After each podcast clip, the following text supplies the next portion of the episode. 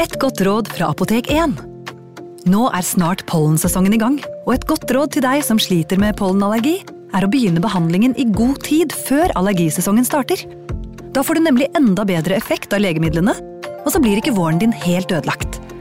Kom innom og få råd på ditt nærmeste Apotek 1, eller chat med oss på apotek1.no. Apotek 1 vår kunnskap, din trygghet.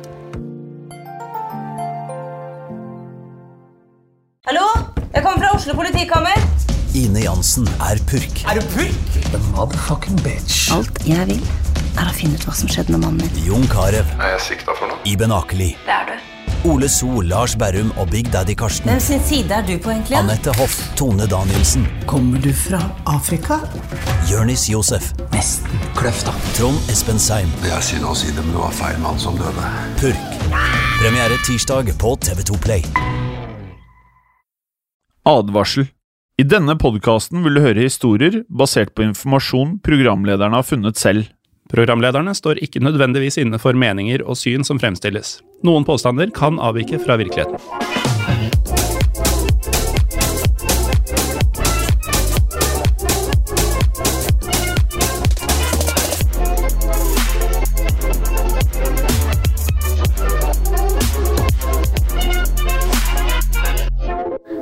Og velkommen til Historiebåten. Mitt navn er som vanlig Jim Fosheim. Og det betyr vel at jeg fortsatt er Morten Galaasen? Det er akkurat det det betyr, Morten. Og eh, vi må jo nok en gang minne folk på at eh, Fordi vi får spørsmål om dette her. Folk spør oss det er to forskjellige podkaster fra dere som begge har med historie å gjøre. Ja, svaret er eh, vi har en som bare heter Historiepodden, og en som heter Historiepodden andre verdenskrig. Og dette er førstnevnte. Helt riktig. Og uh, historiepodden andre verdenskrig den får du da hver mandag på iTunes og Spotify, og egentlig stort sett alle andre steder du hører på podkast. Ja. Men eh, Morten, vi kan jo også legge til at vi, eh, særde vi blir særdeles happy hvis folk rater oss på iTunes. ja, det gjør vi. Og eh, vi kan jo benytte anledningen også til å si at det går gjerne inn på historiebånd andre verdenskrig og rate oss der også, for der har vi under 500 ratinger. Vi nærmer oss 500. Ja, Så- altså Når du først er der inne, ja, når du først er der inne, så både historiebånden og historiebånden andre verdenskrig. og hvis du er litt morsom, så skriver du vilt sånn sprikende tilbakemeldinger. Siden det er to ganske identiske podkaster i form og delvis innhold, og i hvert fall i form av eh, programledere. Ja, altså, jeg hørte ganske sprikende tilbakemeldinger på de to, og så ble det endret på historie på den andre verdenskrig når personen skjønte at det var de samme menneskene. Så endret han da til at det ble samme på begge. Eh, I dag, Morten, så skal vi til Har vi vært her før? For vi skal til Nord-Irland. I så fall har det vært en kjapp eh, svipptur innom på vei et annet sted, tenker jeg, for det har vi snakka veldig lite om. Vi har vært i hvert fall i Glasgow, som ikke er veldig langt unna. Men kan ikke huske at vi har vært i Nord-Irland. Vi skal uansett da eh, til eh, en svært beryktet historie fra The Troubles, også kjent som urolighetene i Nord-Irland. Eh, for dette her var en langvarig konflikt som varte mellom eh, 1968 og 1998, altså 30 år. Så dagens tema er The Shankill Butchers, eller Shankill-slakterne. Dette var en eh, ekstremistisk gruppe som drepte minst 23 mennesker som eh, del av en politisk voldskampanje under The Troubles. Ja, og The Troubles er jo et stort eh, tema i seg selv, så før vi går inn i historien om The Shankill Butchers, så skal vi sørge for å gi dere litt oversikt her. For hva handla egentlig The Troubles om, og på hvilken side av denne konflikten sto Shankill Butchers? Og som du er veldig fan av å si, Morten, la oss starte der det hele startet. Ja, Uh, men jeg tenkte å slå deg. La oss starte med bakgrunnen! dette uh, liker jeg svært godt. Og da må vi se på historien til Irland, altså øyen som ligger rett vest for Storbritannia. Røttene til konflikten i Irland kan faktisk spores helt tilbake til den Anglonormanniske invasjonen på slutten av 1100-tallet. Det er helt riktig, for da ble Irland tatt over av Anglonormannerne? herreklassen som da hadde styrt England siden 1066. Og Normannernes erobring av England huskes best for slaget ved Hastings, der Englands angelsk-saksiske konge Harald Godwinson ble nedkjempet av normanerne og deres leder Wilhelm Erobreren. Anglonormannernes invasjon av Irland førte til at det kom mange nybyggere til eh, Irland, som igjen førte til at irske bønder ble drevet på flukt. Irland var nemlig allerede befolka av gæliske folk, dvs. Si etterkommere av kelterne, vikinger og andre folkeslag.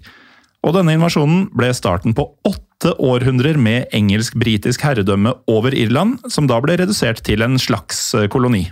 Ja, og allerede her værer vi en bitter konflikt mellom irrene og britene.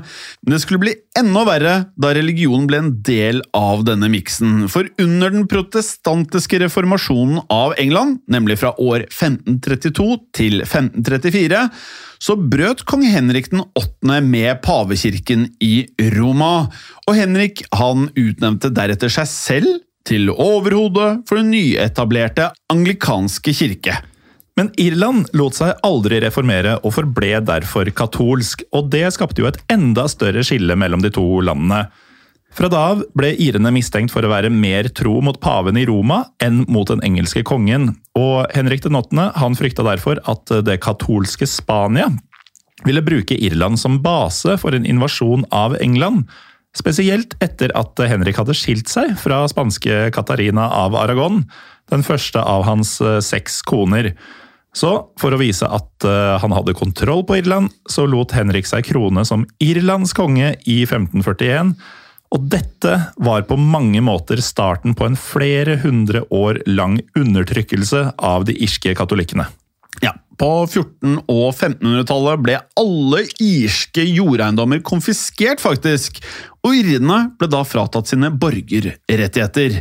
Og de engelske monarkene de oppfordret deretter engelskmenn til å bedrive plantation i Irland. Det vil da si å kultivere land for jordbruk. Og de mest vellykkede av disse plantation-prosjektene skjedde så tidlig som på 1600-tallet i Ulster, altså den nordligste delen av Irlands fire tradisjonelle provinser. Og i motsetning til nybyggere som var kommet til Ulster før, så ble ikke de engelske og skotske nybyggerne som kom på 1600-tallet, absorbert av den irske befolkninga. I stedet så holdt nybyggerne og deres etterkommere fast på den britiske identiteten og var standhaftig lojale mot den britiske kronen. Derfor ble Ulster omdannet til en lojal britisk-protestantisk bastion i det ellers katolske Irland, og de neste århundrene ble da preget av den katolske flertallets kamp for frigjøring av Irland fra britene. Og det var mange opprør og stadig konflikter her. I 1801 så ble Irland mot sin vilje innlemma i den britiske unionen, altså The United Kingdom of Great Britain and Ireland. De irske katolikkene de fortsatte å kjempe for indre selvstyre i Irland gjennom 1800-tallet, men britene ignorerte dem helt til årene før første verdenskrig. Ja, det stemmer det.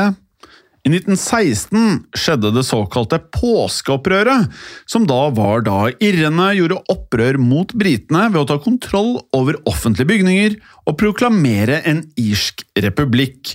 Opprøret ble brutalt slått ned av britene, og hele 500 mennesker ble drept, hvorover halvparten var sivilister. Selv om påskeopprøret var mislykket, ble det et viktig symbol for kampen mot britisk styre i Irland. Og vi kan stoppe litt opp her og understreke hvem partene i konflikten er. På den ene siden så står altså irene, som er katolske og ønsker at hele Irland skal være ett land uten britisk styre. Og De kalles gjerne republikanere, fordi de vil kvitte seg med det britiske monarkiet. og Derav er også landet Irland i dag på engelsk er jo Republic of Ireland. Mm. Og På den andre siden står protestantene, som holder til i den nordirske provinsen som heter Ulster. Og disse er lojale mot britene og også unionen, og kalles derfor ofte for lojalister eller unionister. Og da kan vi fortsette på historien. For rett etter første verdenskrig, i 1919, så brøt ut en geriljakrig i Nord-Irland. Denne er kjent som den nordirske uavhengighetskrigen. Ja, Krigen den ble utløst av den paramilitære gruppen The Irish Republican Army, bedre kjent som IRA, som da gjorde opprør mot de britiske myndighetene, som da satte inn sine sikkerhetsstyrker. Og mens eh, uavhengighetskrigen pågikk, så vedtok det britiske parlamentet den irske regjeringsloven i 1920. Denne loven innfridde ønskene til lojalistene i Ulster, fordi loven delte øya Irland i to selvstyrte områder. Det som senere skulle bli kjent som Nord-Irland, ble dannet av de fire fylkene i Ulster, der protestantene var i overtall, samt to fylker i Ulster der det var et lite katolsk flertall. Og de eh, to fylkene i Ulster med klart katolsk eh, flertall, de ble værende i det resterende Irland. Ja, Året etter, og da har vi kommet til 1921, ble den irske uavhengighetskrigen avsluttet da med signeringen av den anglo-irske traktaten. Og Resultatet her var at Irland ble en eh, såkalt fri stat, med stor grad av selvstyre. Eh, og mens Nord-Irland ble en selvstyrt region som en del av Storbritannia. I Nord-Irland var to tredjedeler av befolkningen, altså omtrent en million mennesker, protestanter, mens omtrent en tredjedel, om lag da 500 000 mennesker, var katolikker. I 1937 så ble Irland, altså republikken Irland, en selvstendig stat, mens Nord-Irland fortsatte å være en del av Storbritannia. Og selv om Nord-Irland var styrt av protestantiske lojalister, så var det som sagt et relativt stort mindretall av katolikker i landet. Vi snakker om en tredjedel av befolkninga. Og Katolikkene her hevda at de ble diskriminert når det gjaldt tildeling av offentlige boliger, utnevnelser til offentlige tjenesteverv og statlige oppgraderinger av nabolag. Og katolikkene var også mer utsatt for trakassering fra politiet, som nesten utelukkende besto av protestanter. Stemmer det. Og skillet mellom katolikker og protestanter i eh, Nord-Irland hadde egentlig lite med religiøse forskjeller å gjøre, Morten, mm. men var desto mer forankret i kultur og gjerne politikk. Og verken irsk historie eller irsk språk ble undervist på skoler i Nord-Irland. Og det var også ulovlig å heise flagget til den irske republikken, men katolikkene identifiserte seg stort sett som irrer, og de ønsket at Nord-Irland igjen skulle bli en del av den irske staten. Eh, og som lytterne nå hører, dette er, det er komplekse saker. Eh, og sånn er gjerne historien. Ja, og sånn har altså historien vært i hundrevis av år. Er ja. det egentlig fortsatt eh, den dag i dag, selv om det ikke er like voldelig som det har vært og kommer til å bli seinere i denne historien. Mm.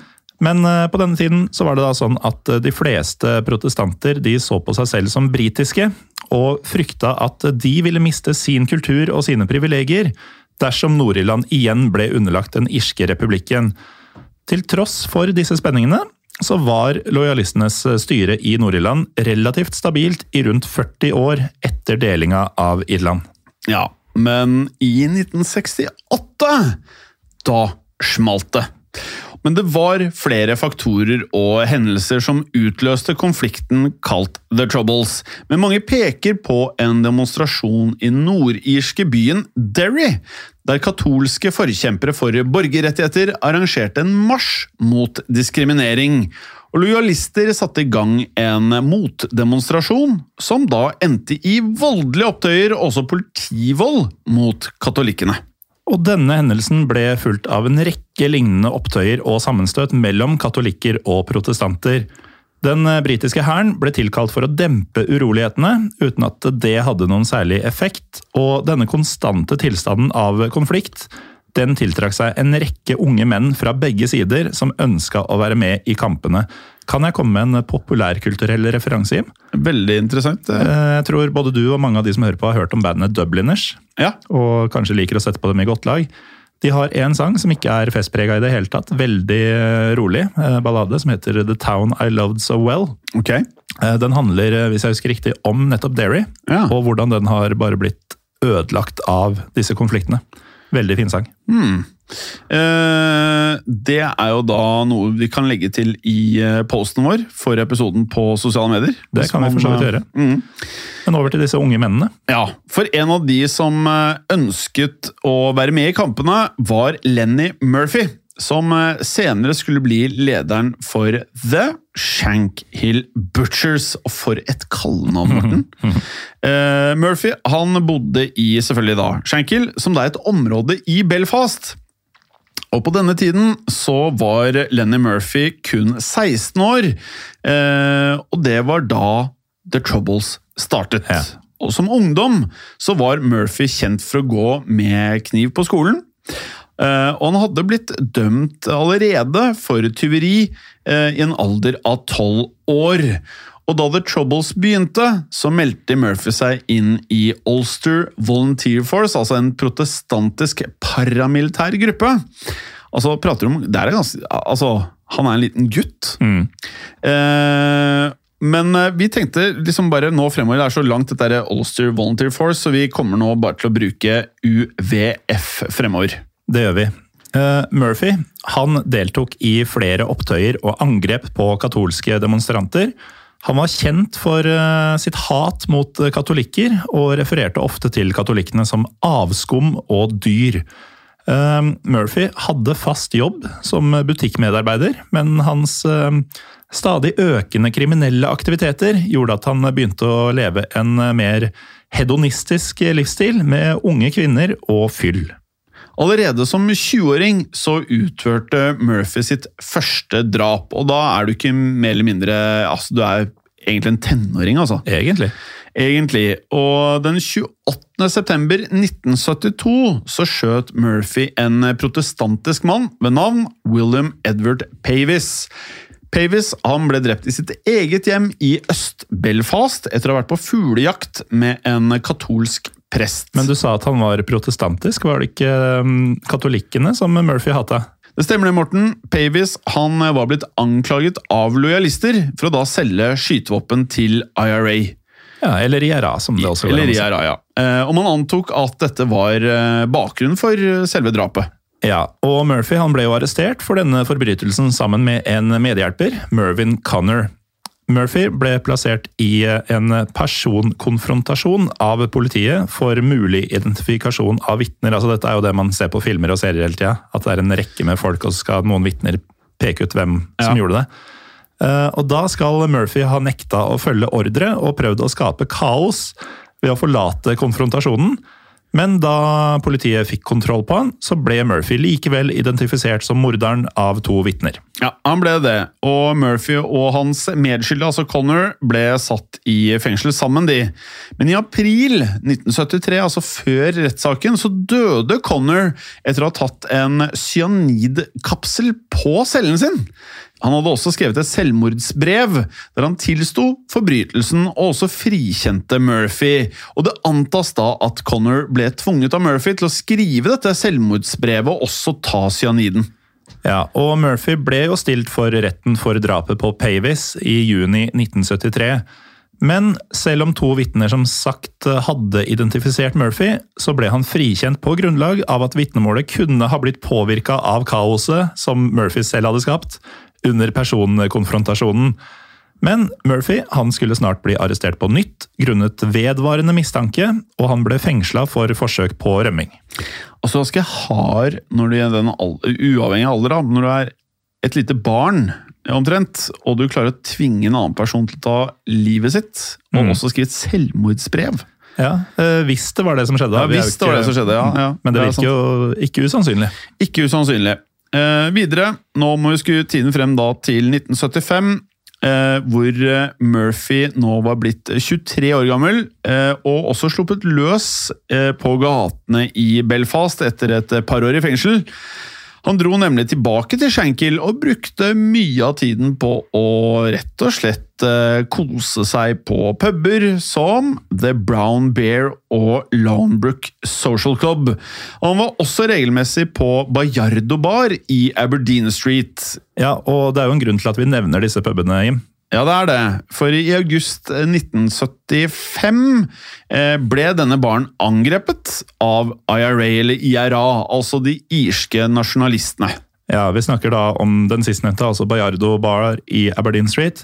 Den ble både bomba og beskutt, og um, i angrepet ble en UVF-mann og fire andre protestanter drept. Over 50 ble skada. Men Lenny Murphy han hadde englevakt, for han hadde forlatt baren bare ti minutter før angrepet. Og det var etter dette at Murphy bestemte seg for å virkelig terrorisere katolikkene i byen. Sammen med broren sin John så danna han en gjeng på rundt 20 menn, som skulle bli kjent som Shankill Butchers. Ja. Og selv om Murphy fortsatt var med i UVF, så hadde han et ønske om å skape sin egen lille paramilitære hær, som ikke fulgte ordre fra UVF. Altså, ganske kompleks eh, fyr, han Murphy. Ja. Ehm, og hans indre sirkel besto av broren John og to såkalte sersjanter ved navn William Moore og Bobby Basher Bates. Altså, Når du er med i en gjeng som kalles Butchers, og Ja. ditt kallenavn er Basher Da er det en brutal gjeng vi snakker om, tror jeg. Så dette er harde folk. Eh, og hovedkvarteret deres var i andre etasje på nevnte Brown Bear pub på Shankill Road. Ja, og William Moore hadde tidligere jobba på en kjøttforedlingsfabrikk, og han hadde da under den tida stjålet flere store kniver og kjøttøkser fra sin gamle arbeidsplass. Og dette var verktøy som skulle bli flittig brukt etter hvert som gjengen ble mer aktiv. Ja, og den 2. oktober fremdeles i 1975 så dro Shankill-gjengen til et bryggeri i den nærliggende byen Millfield. Og der lot de som at de skulle hente en eh, ordre, eh, og slik fikk de da tilgang til eh, bygget. Og Murphy han visste at de fire ansatte, altså to kvinner og to menn, var katolikker. Så Murphy han skjøt tre av dem selv, og beordret den annen gjengen sin da til å skyte den fjerde ansatte. Og dette var rett og slett rene henrettelser, og blir betraktet som totalt uprovoserte. Ja, og Den sjokkerende hendelsen førte til at selv Nord-Irlands regjering, som altså i likhet med UVF var lojalister og protestanter, satte UVF på en liste over terrororganisasjoner. Men ingen visste at Murphy og Shankill-gjengen sto bak, og de kunne derfor fortsette med denne typen brutale angrep. Og eh, mer om dette kommer da etter en kort pause. Velkommen tilbake. Du lovte oss flere brutale angrep, Jim. Ja, det er ganske brutalt dette her. Vi er fremdeles i 1975, nærmere bestemt i november måned. Eh, For da satte Murphy og et par av hans andre gjengmedlemmer seg i en taxi eid av William Moore. De streifet da rundt i byens katolske områder i håp om å finne en katolikk som de da kunne bortføre. Francis Crossen, en 34 år gammel katolsk mann, også tobarnsfar, gikk mot sentrum da taxien plutselig stoppet foran han. Murphy skal ha hoppet ut av bilen og slått Crossen med, et, eh, med en julejekk, for å da rett og slett liksom nøytralisere han eller desorientere han. Og en desorientert Crossen ble dratt inn i taxien av to i Murphys gjeng og kjørt til Shankill-området. Og På veien dit så ble Crossan utsatt for brutal juling, og blant annet så ble et ølglass knust mot eh, hodet hans. Murphy skal eh, ha sagt gjentatte ganger til Crossan I'm going to kill you, you bastard. Før taxien stoppa ved en bakgate. Altså, hvor redd hadde du ikke blitt da? Du går rundt i ditt eget nabolag, og plutselig så blir du bare røska inn i en bil, gjort opp og trua med drap. I'm going to kill you, bastard. Mm. Altså, da får du Altså, jeg hadde blitt så redd, jeg. Ja. Ehm, uansett, Klossen han ble dratt inn i bakgaten, der eh, Murphy da, hør på det her, skar over strupen hans med en slakterkniv helt til ryggraden! Det er jo nesten uh, decapitation. Altså, det, halshogging. altså, det her er liksom Det er så ekstremt at det, det, er, det er vanskelig å liksom forstå helt hvordan man kan Ja, gjøre dette her. Og Crossen var, han hadde jo ikke blitt valgt ut. Han var en helt tilfeldig Ja. fyr som tilfeldigvis var katolikk. Ja, det, det, det var eh, forbrytelsen hans. vilt. Og gjengen skal deretter ha forlatt åstedet, og neste morgen ble Crossens lik da funnet av en eldre kvinne. Og overskriften i byens største avis eh, samme dag var 'Slaughter in Back Alley'. Og En slektning av Crossen sa at familien hans ikke kunne ha åpen kiste i begravelsen, rett og slett fordi liket var så grovt lemlestet. Ja, og Crossen var bare den første av tre katolikker som ble drept av Murphy på denne grusomme og brutale måten de neste månedene. De to andre ofrene var 55-åringen Thomas Quinn og 24-åringen Francis Rice, som begge ble bortført seint på kveldene i helger, i samme område som Crossan. Og Murphys eh, hovedhjelpere ved begge anledninger var sersjantene Bates og Moore, som eh, altså skaffet eh, slakterknivene. Og på dette tidspunktet hadde kallenavnet The Butchers, altså slakterne, dukket opp i mediedekningen av disse drapene, og mange katolikker levde nå i frykt for denne gjengen. Og det er jo lett å forstå, dette er jo ganske grusomt. Politiet i Nord-Irland het eh, Royal Ulster Constabulary, og de etterforsket drapene. Og ansvaret for å finne morderne ble lagt i hendene til Detective Chief Inspector Jimmy Nesbitt. Og han var ikke i tvil om at drapene på Crossen, Quinn og også Rice var utført av de samme gjerningsmennene. Men bortsett fra det så hadde han lite informasjon, selv om han fikk en ledetråd av kvinnen som fant liket til Frances Rice. Kvelden før hadde kvinnen hørt stemmer like ved der liket seinere ble funnet, og hun skal sett det hun trodde kunne ha vært en lokal taxi. Og Det førte til at alle taxier i Shankill ble undersøkt for bevis, inkludert taxien til William Moore. Stemmer det. Og Shankel-gjengen hadde da midlertidig rengjort bilen grundig, og ingen spor ble funnet. Murphy beordret da Moore til å vrake taxien, og i stedet kjøpte Moore en gul Ford Cortina, som da skulle brukes i de neste drapene. Ja, til tross for at detektiv James Nesbitt og hans menn i politiet jobba 18 timer i døgnet sju dager i uka for å pågripe de skyldige, så kom de ikke noe nærmere. Og um, Nesbits uh, etterforskning ble holdt tilbake av flere hindringer. Det var mangel på arbeidskraft, ressurser og lokalbefolkningas motvilje mot å tipse politiet, fordi de, eh, altså lokalbefolkninga frykta represalier fra morderne, som de jo heller ikke visste hvem var. Eh, Schenkel-gjengen etterlot dessuten ingen bevis som kunne føre til pågripelser. Det er riktig det, men det bør også nevnes at uh, Murphys uh, brutalitet også ble rettet mot UVF. Og det kan jo være overraskende for mange. Mm. Altså da organisasjonen han selv hadde vært en del av. Ja. Uh, det var en aggressiv fyr, altså. Det var det. og dette ble tydelig etter at Murphys gjengmedlemmer Archibald Waller ble skutt og drept i et UVF-godkjent attentat som da hevn for et annet drap. Så nå virker det nesten som en slags maktkamp på samme ja. side av eh, en større sak. Ja, men Murphy virker veldig gal.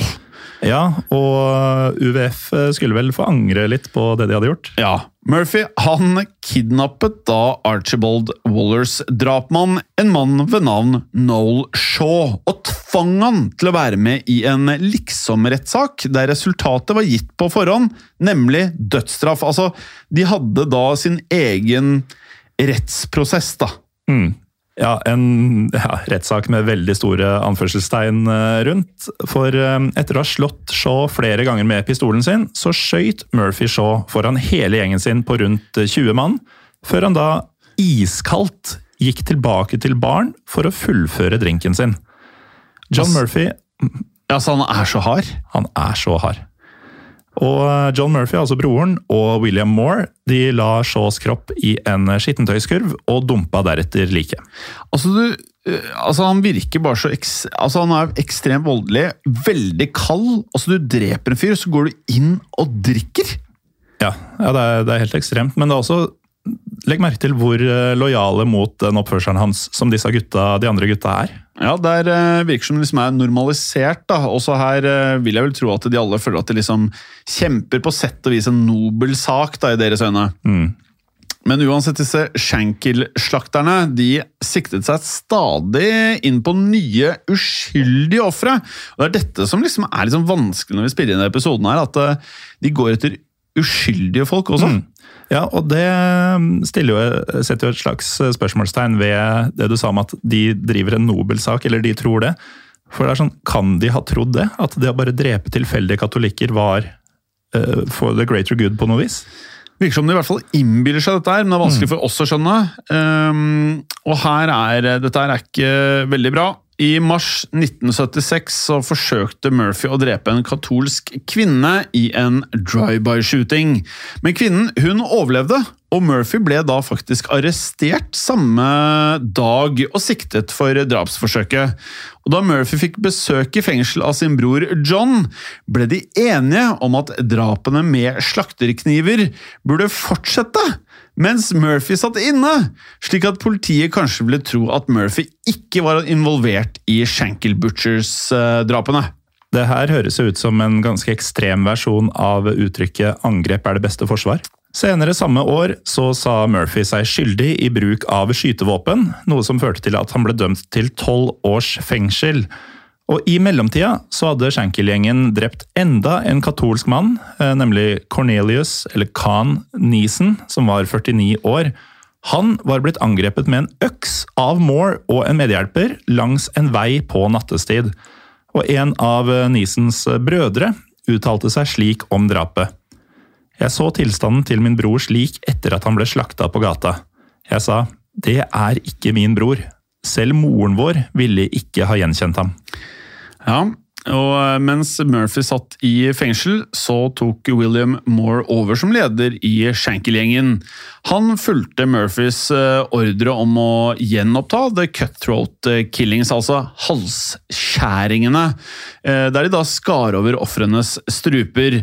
Så i 1976 og 77 ble ytterligere tre katolske menn fra Nord-Belfast kidnappet, også torturert og hakket til døde på samme måte som tidligere ofre. Ja, og disse tre nye ofrene var eh, Stephen McCann, som bare var 21, en universitetsstudent. Det var um, arbeidsløse 13-barnsfaren Joseph Morrissey på 52. Og Francis Cassidy, 43 eh, år, som jobba i havna. I tillegg til drapene vi nå har nevnt til nå, så hadde Schenkel-gjengen også vært involvert i flere angrep og drap på andre sivile katolikker. For uh, i tillegg til å drepe uskyldige mennesker med slakterkniver og kjøttøkser, så skal gjengen nemlig også ha slått i hjel og skutt enkelte ofre. Ja, og Blant uh, disse andre ofrene var det til og med to protestanter. Uh, Archibald Hannah og Raymond Carlisle, som satt på en lastebil og ante fred og ingen fare. Plutselig kom noen fra Schenkel-gjengen og rett og slett skjøt dem. Og Gjengen trodde at de to mennene på lastebilen var katolikker, men det viste seg å være feil. Ja, og I tillegg så drepte Schenkel-gjengen også to protestanter fra Ulster Defence Association, eh, som da er forkorta til UDA. Eh, UDA var da en annen paramilitær lojalistgruppe som ofte havna i konflikt med UVF og Schenkel-gjengen. Og Det første UDA-offeret var eh, Thomas Easton, som en kveld havna i en eh, skjebnesvanger barkrangel med Shankill-medlemmet Sam McAllister. Easton ble overfalt av McAllister på slutten av kvelden, og McAllister drepte ham ved å slå han i hodet med en byggestein av betong.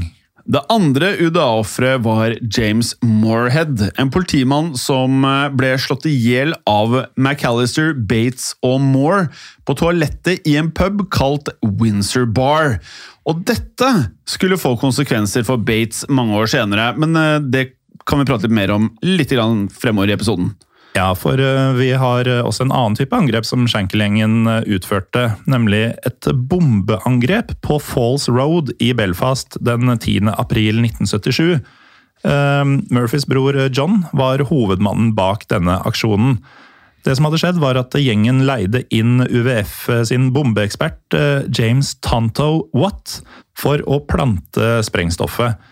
UVF var egentlig ikke villige til å samarbeide med Schenkel-gjengen, men de sa ja til dette på én betingelse. At bombeangrepet skulle rettes mot IRA-medlemmer, ikke mot sivile. Og denne bombeeksperten, altså Tonto Watt, han plantet bomben mellom noen veibarrierer av øltønner fylt med sement. Og bomben den skulle gå av midt under en irsk minnesmarkering for det viktige påskeopprøret i 1916. I samme øyeblikk som irrenes eh, parade begynte, så eksploderte bomben. Og denne trykkbølgen som da kom, og ødeleggelsene, drepte en gutt på ti år, nemlig Kevin McMenamin, eh, og skadet fem andre personer, hvorav én eh, fikk et av benene sine revet av. Ja, og vi har fortalt om mye fæle, grusomme ting som Schenkelhengen har gjort, men dette må kanskje sies å ha vært lavmålet. Uh, og det skulle jo vise seg også at bombeaksjonen var blant gjengens aller siste aksjoner. For måneden etter så skjedde det noe som ble et avgjørende vendepunkt. Ja, En sen maikveld i 1977 gikk en mann som het Gerard McLaverty nedover Cliftonville Road i Belfast. Og Da kom det to medlemmer av Shankill-gjengen bort til han og tvang ham inn i en bil. Gjenglederen, altså Moore, og de andre hadde sittet og drukket hele dagen, og nå kjørte de da McLaverty til et eh, nedlagt legekontor på hjørnet av Emerson Street og Shankill Road. Og der ble McLaverty slått i blods med kjepper i, etter hva vi forstår, flere minutter. Og Deretter så skar Moore og McAllister over håndledda til McLaverty flere ganger med en lommekniv. Til slutt så ble offeret dumpa i en bakgård rett og slett for å blø i hjel. Og dette var en uvant eh, fremgangsmåte for Shankel-gjengen, og det skulle også vise seg å bli skjebnesvangert. For McLaverty blødde ikke i hjel. Han overlevde til neste morgen. Og da hørte en kvinne ropene hans om hjelp og ringte politiet. Og dette angrepet her ble, som eh, så mange ganger tidligere, meldt inn til detektiv Nesbitt. Som vi nesten hadde glemt nå? Ja, som vi nesten hadde glemt. Og til å begynne med så tenkte ikke Nesbitt noe særlig over eh, dette overfallet, fordi det ikke passet inn i Schenkel-gjengens uh, mønster. Da. Uh, og ingen hadde overlevd et angrep fra dem på noe som helst tidspunkt tidligere. Men da Nesbitt undersøkte hvordan angrepet hadde blitt utført, så innså han at det måtte være de samme gjerningsmennene som sto bak mordene i Schenkel. Og da la Nesbitt en lur, men dristig plan for å finne de skyldige. Nesbitt sørga for at offeret, altså McLaverty, fikk forkledning, sånn at han ikke skulle bli gjenkjent. Og Deretter kjørte politiet McLaverty rundt omkring i Schenkel-området for å se om han kunne kjenne igjen mennene som hadde prøvd å drepe han. Og Etter kort tid så identifiserte han faktisk McAllister og en annen mann som hadde deltatt i angrepet. Ja, og dette ga Nesbitt et gjennombrudd som gjorde at han kunne utvide søket. Og neste morgen så arresterte han en rekke av McAllisters medarbeidere, inkludert Moore. Og Gjengmedlemmene ble da utsatt for intense avhør, og til slutt så tilsto faktisk de fleste i gjengen at de hadde vært involvert i både McLaverty-bortføringen og alle mordene i Shankill-området. Og Etter dette så fulgte jo ytterligere arrestasjoner, og helhetsbildet av hva som hadde foregått i disse årene ble klarere og klarere. Og Det ble tydelig for Nesbitt at den fengslede Lenny Murphy var drivkrafta bak drapene. Lenny Murphy og broren John de ble avhørt flere ganger i etterforskninga, men de avslørte ingenting under avhørene. Og Mangelen på rettsmedisinske bevis førte til at Lenny Murphy slapp unna tiltale, noe som fikk Nesbitt til å uttale at «the big fish got away». Ja, det er nesten litt eh, det er, det er, litt vilt. Det er veldig vilt. Ja. Eh, men resten av gjengen, i hvert fall, da, eh, til Murphy, de ble da stilt for retten. Og i 1979 ble totalt 11 medlemmer av Schenkel-gjengen drømt for totalt 19 drap, og fikk totalt 42 livstidsdommer. Dette var også det aller høyeste antall dommer som var blitt utdelt noensinne i én enkelt rettssak i britisk rettshistorie. Ja, og Moore han sa seg skyldig i elleve drap, mens Bates erkjente skyld i ti drap. Men den irske gravejournalisten Martin Dillon sine undersøkelser tyder på at en rekke andre ukjente personer unnslapp tiltale etter Schenkel-gjengens forbrytelser, som til slutt kan ha omfatta hele 30 drap. Offeret som sørga for at Shankel-gjengen ble tatt, altså Jared McLaverty, han fikk et dekknavn og levde videre under politibeskyttelse i Dublin. Mm. Og Spoler vi litt fremover i tid nå, til 1982, så ble gjengens eh, grunnlegger og også leder, nemlig Lenny Murphy, løslatt fra fengselet etter å da sonet denne våpendommen fra tilbake i 1977. Og det var da tydelig at Murphy ikke hadde forandret seg mens han satt inne, for han drepte minst fire mennesker i løpet av de neste fire månedene. Og ikke nok med det, det var nye lavmål her. Han slo nemlig i hjel en funksjonshemmet mann kun en dag etter at han da kom tilbake til Shankill.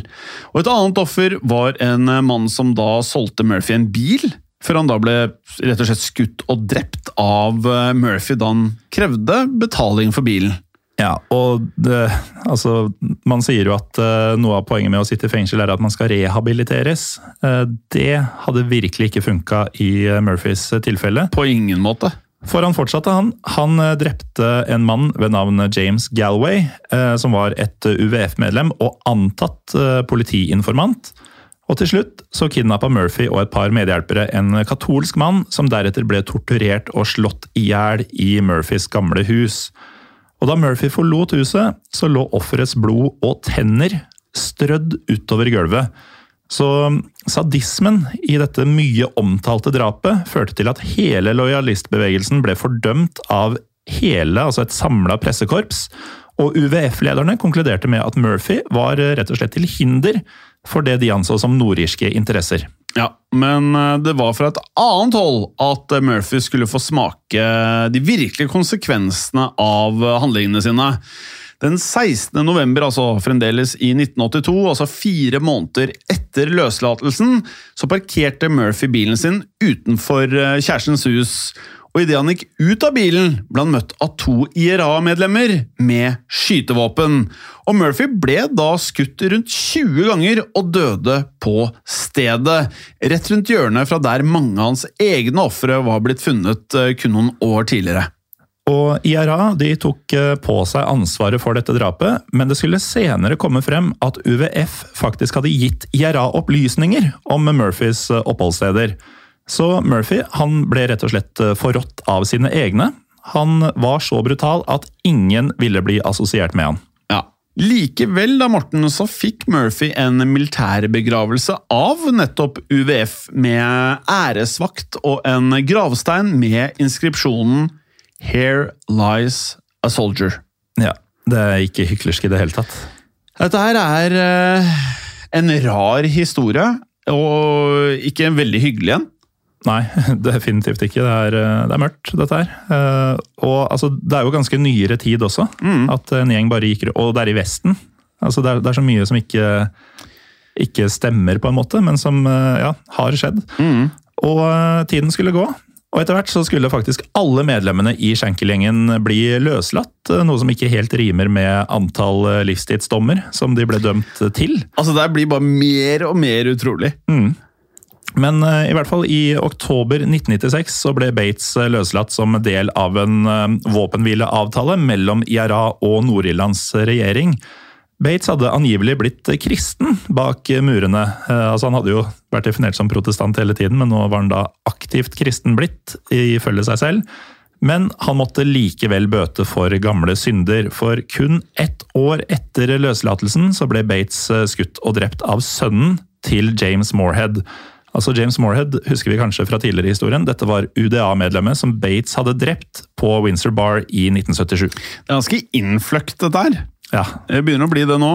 Eh, John Murphy han slapp unna fengsel, men eh, døde senere i en bilulykke i eh, Belfast i august 1998. Det siste gjengmedlemmet som ble løslatt, var William Moore, som hadde da sittet 21 år bak murene. William Moore han døde 17. mai faktisk, i 2009 av et hjerteinfarkt i sitt eget hjem. Han fikk også en militær begravelse av UVF. Ja, og Da kan vi jo avslutte med en oppsummering av det store bildet her. Altså, The Troubles de varte fra 1968 til 1998 da det ble inngått en fredsavtale kalt eh, Langfredagsavtalen, eller Belfast-avtalen. Og I løpet av denne 30 år eh, lange konflikten så ble rundt 3600 mennesker drept og mer enn 30 000 flere såra før en fredelig løsning kom på plass. Ja, Avtalen er eh, siden blitt revidert for å da løse problemer som oppsto i etterkant, men situasjonen i Nord-Irland er i dag blitt eh, langt mer stabil, og dermed har forholdet mellom Irland og Nord-Irland blitt noenlunde normalt. Ja, alt er eh, relativt. Men er relativt. eh, i forhold til hvordan det var for bare 23 år siden, så, så må det jo kalles eh, noenlunde normalt Ja. i dag. Ekstreme episoder, eller? Ja, dette var mye blod og mye vold og mye meningsløs brutalitet på kort tid. Det er nesten som man eh, i fremtiden, kanskje ikke med det første, burde ta et dypdykk eh, inn i andre historier fra Nord-Irland. Er- Jeg tror det er mye å ta her, altså. Det er det definitivt. Eh, Veldig mange hendelser, veldig mange navn og veldig mange politiske prosesser som eh, tåler litt belysning av oss. Mm. Og så tror jeg litt mer, Vi burde nesten laget en liten serie, for at det, hele den situasjonen der, det er, det er så mye. Mm. Jeg tror ikke vi klarer å liksom, eh, jeg tror ikke vi kommer noe vei med én eller to episoder. Du må lage mer. Det tror jeg også. Men eh, i mellomtida så har vi da denne historiepodden, og også historiepodden andre verdenskrig, som kommer ut hver eneste mandag. På iTunes og Spotify, og følg oss gjerne på Instagram og Facebook, der vi heter Historiepodden Norge. Ja, og bli gjerne med i Facebook-gruppa vår, som heter eh, Historie for alle. Den har blitt svær og aktiv, men den trenger også deg. Ja, det er helt riktig det. Og hvis du er inne på iTunes og hører på eh, noen av podkastene våre, legg veldig gjerne igjen en rating og en liten kommentar til oss, så blir vi veldig glad. Og med det, Morten, så må vi da meddele at det der har skjedd. Og det betyr at det kan skje igjen. Ha det Ha det. Historiepodden ønsker å takke følgende.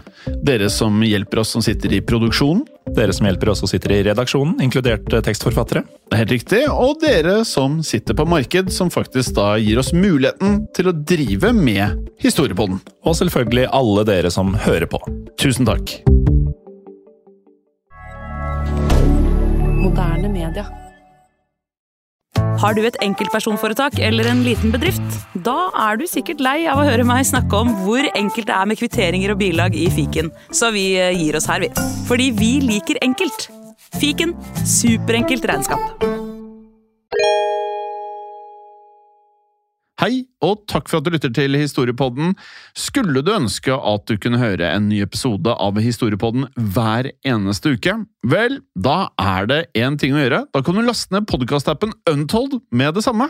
For i tillegg til ukentlige episoder av podkaster som Historiepodden andre verdenskrig, Henrettelsespodden og også Gangsterpodden, så får du masse annet reklamefritt og også eksklusivt innhold.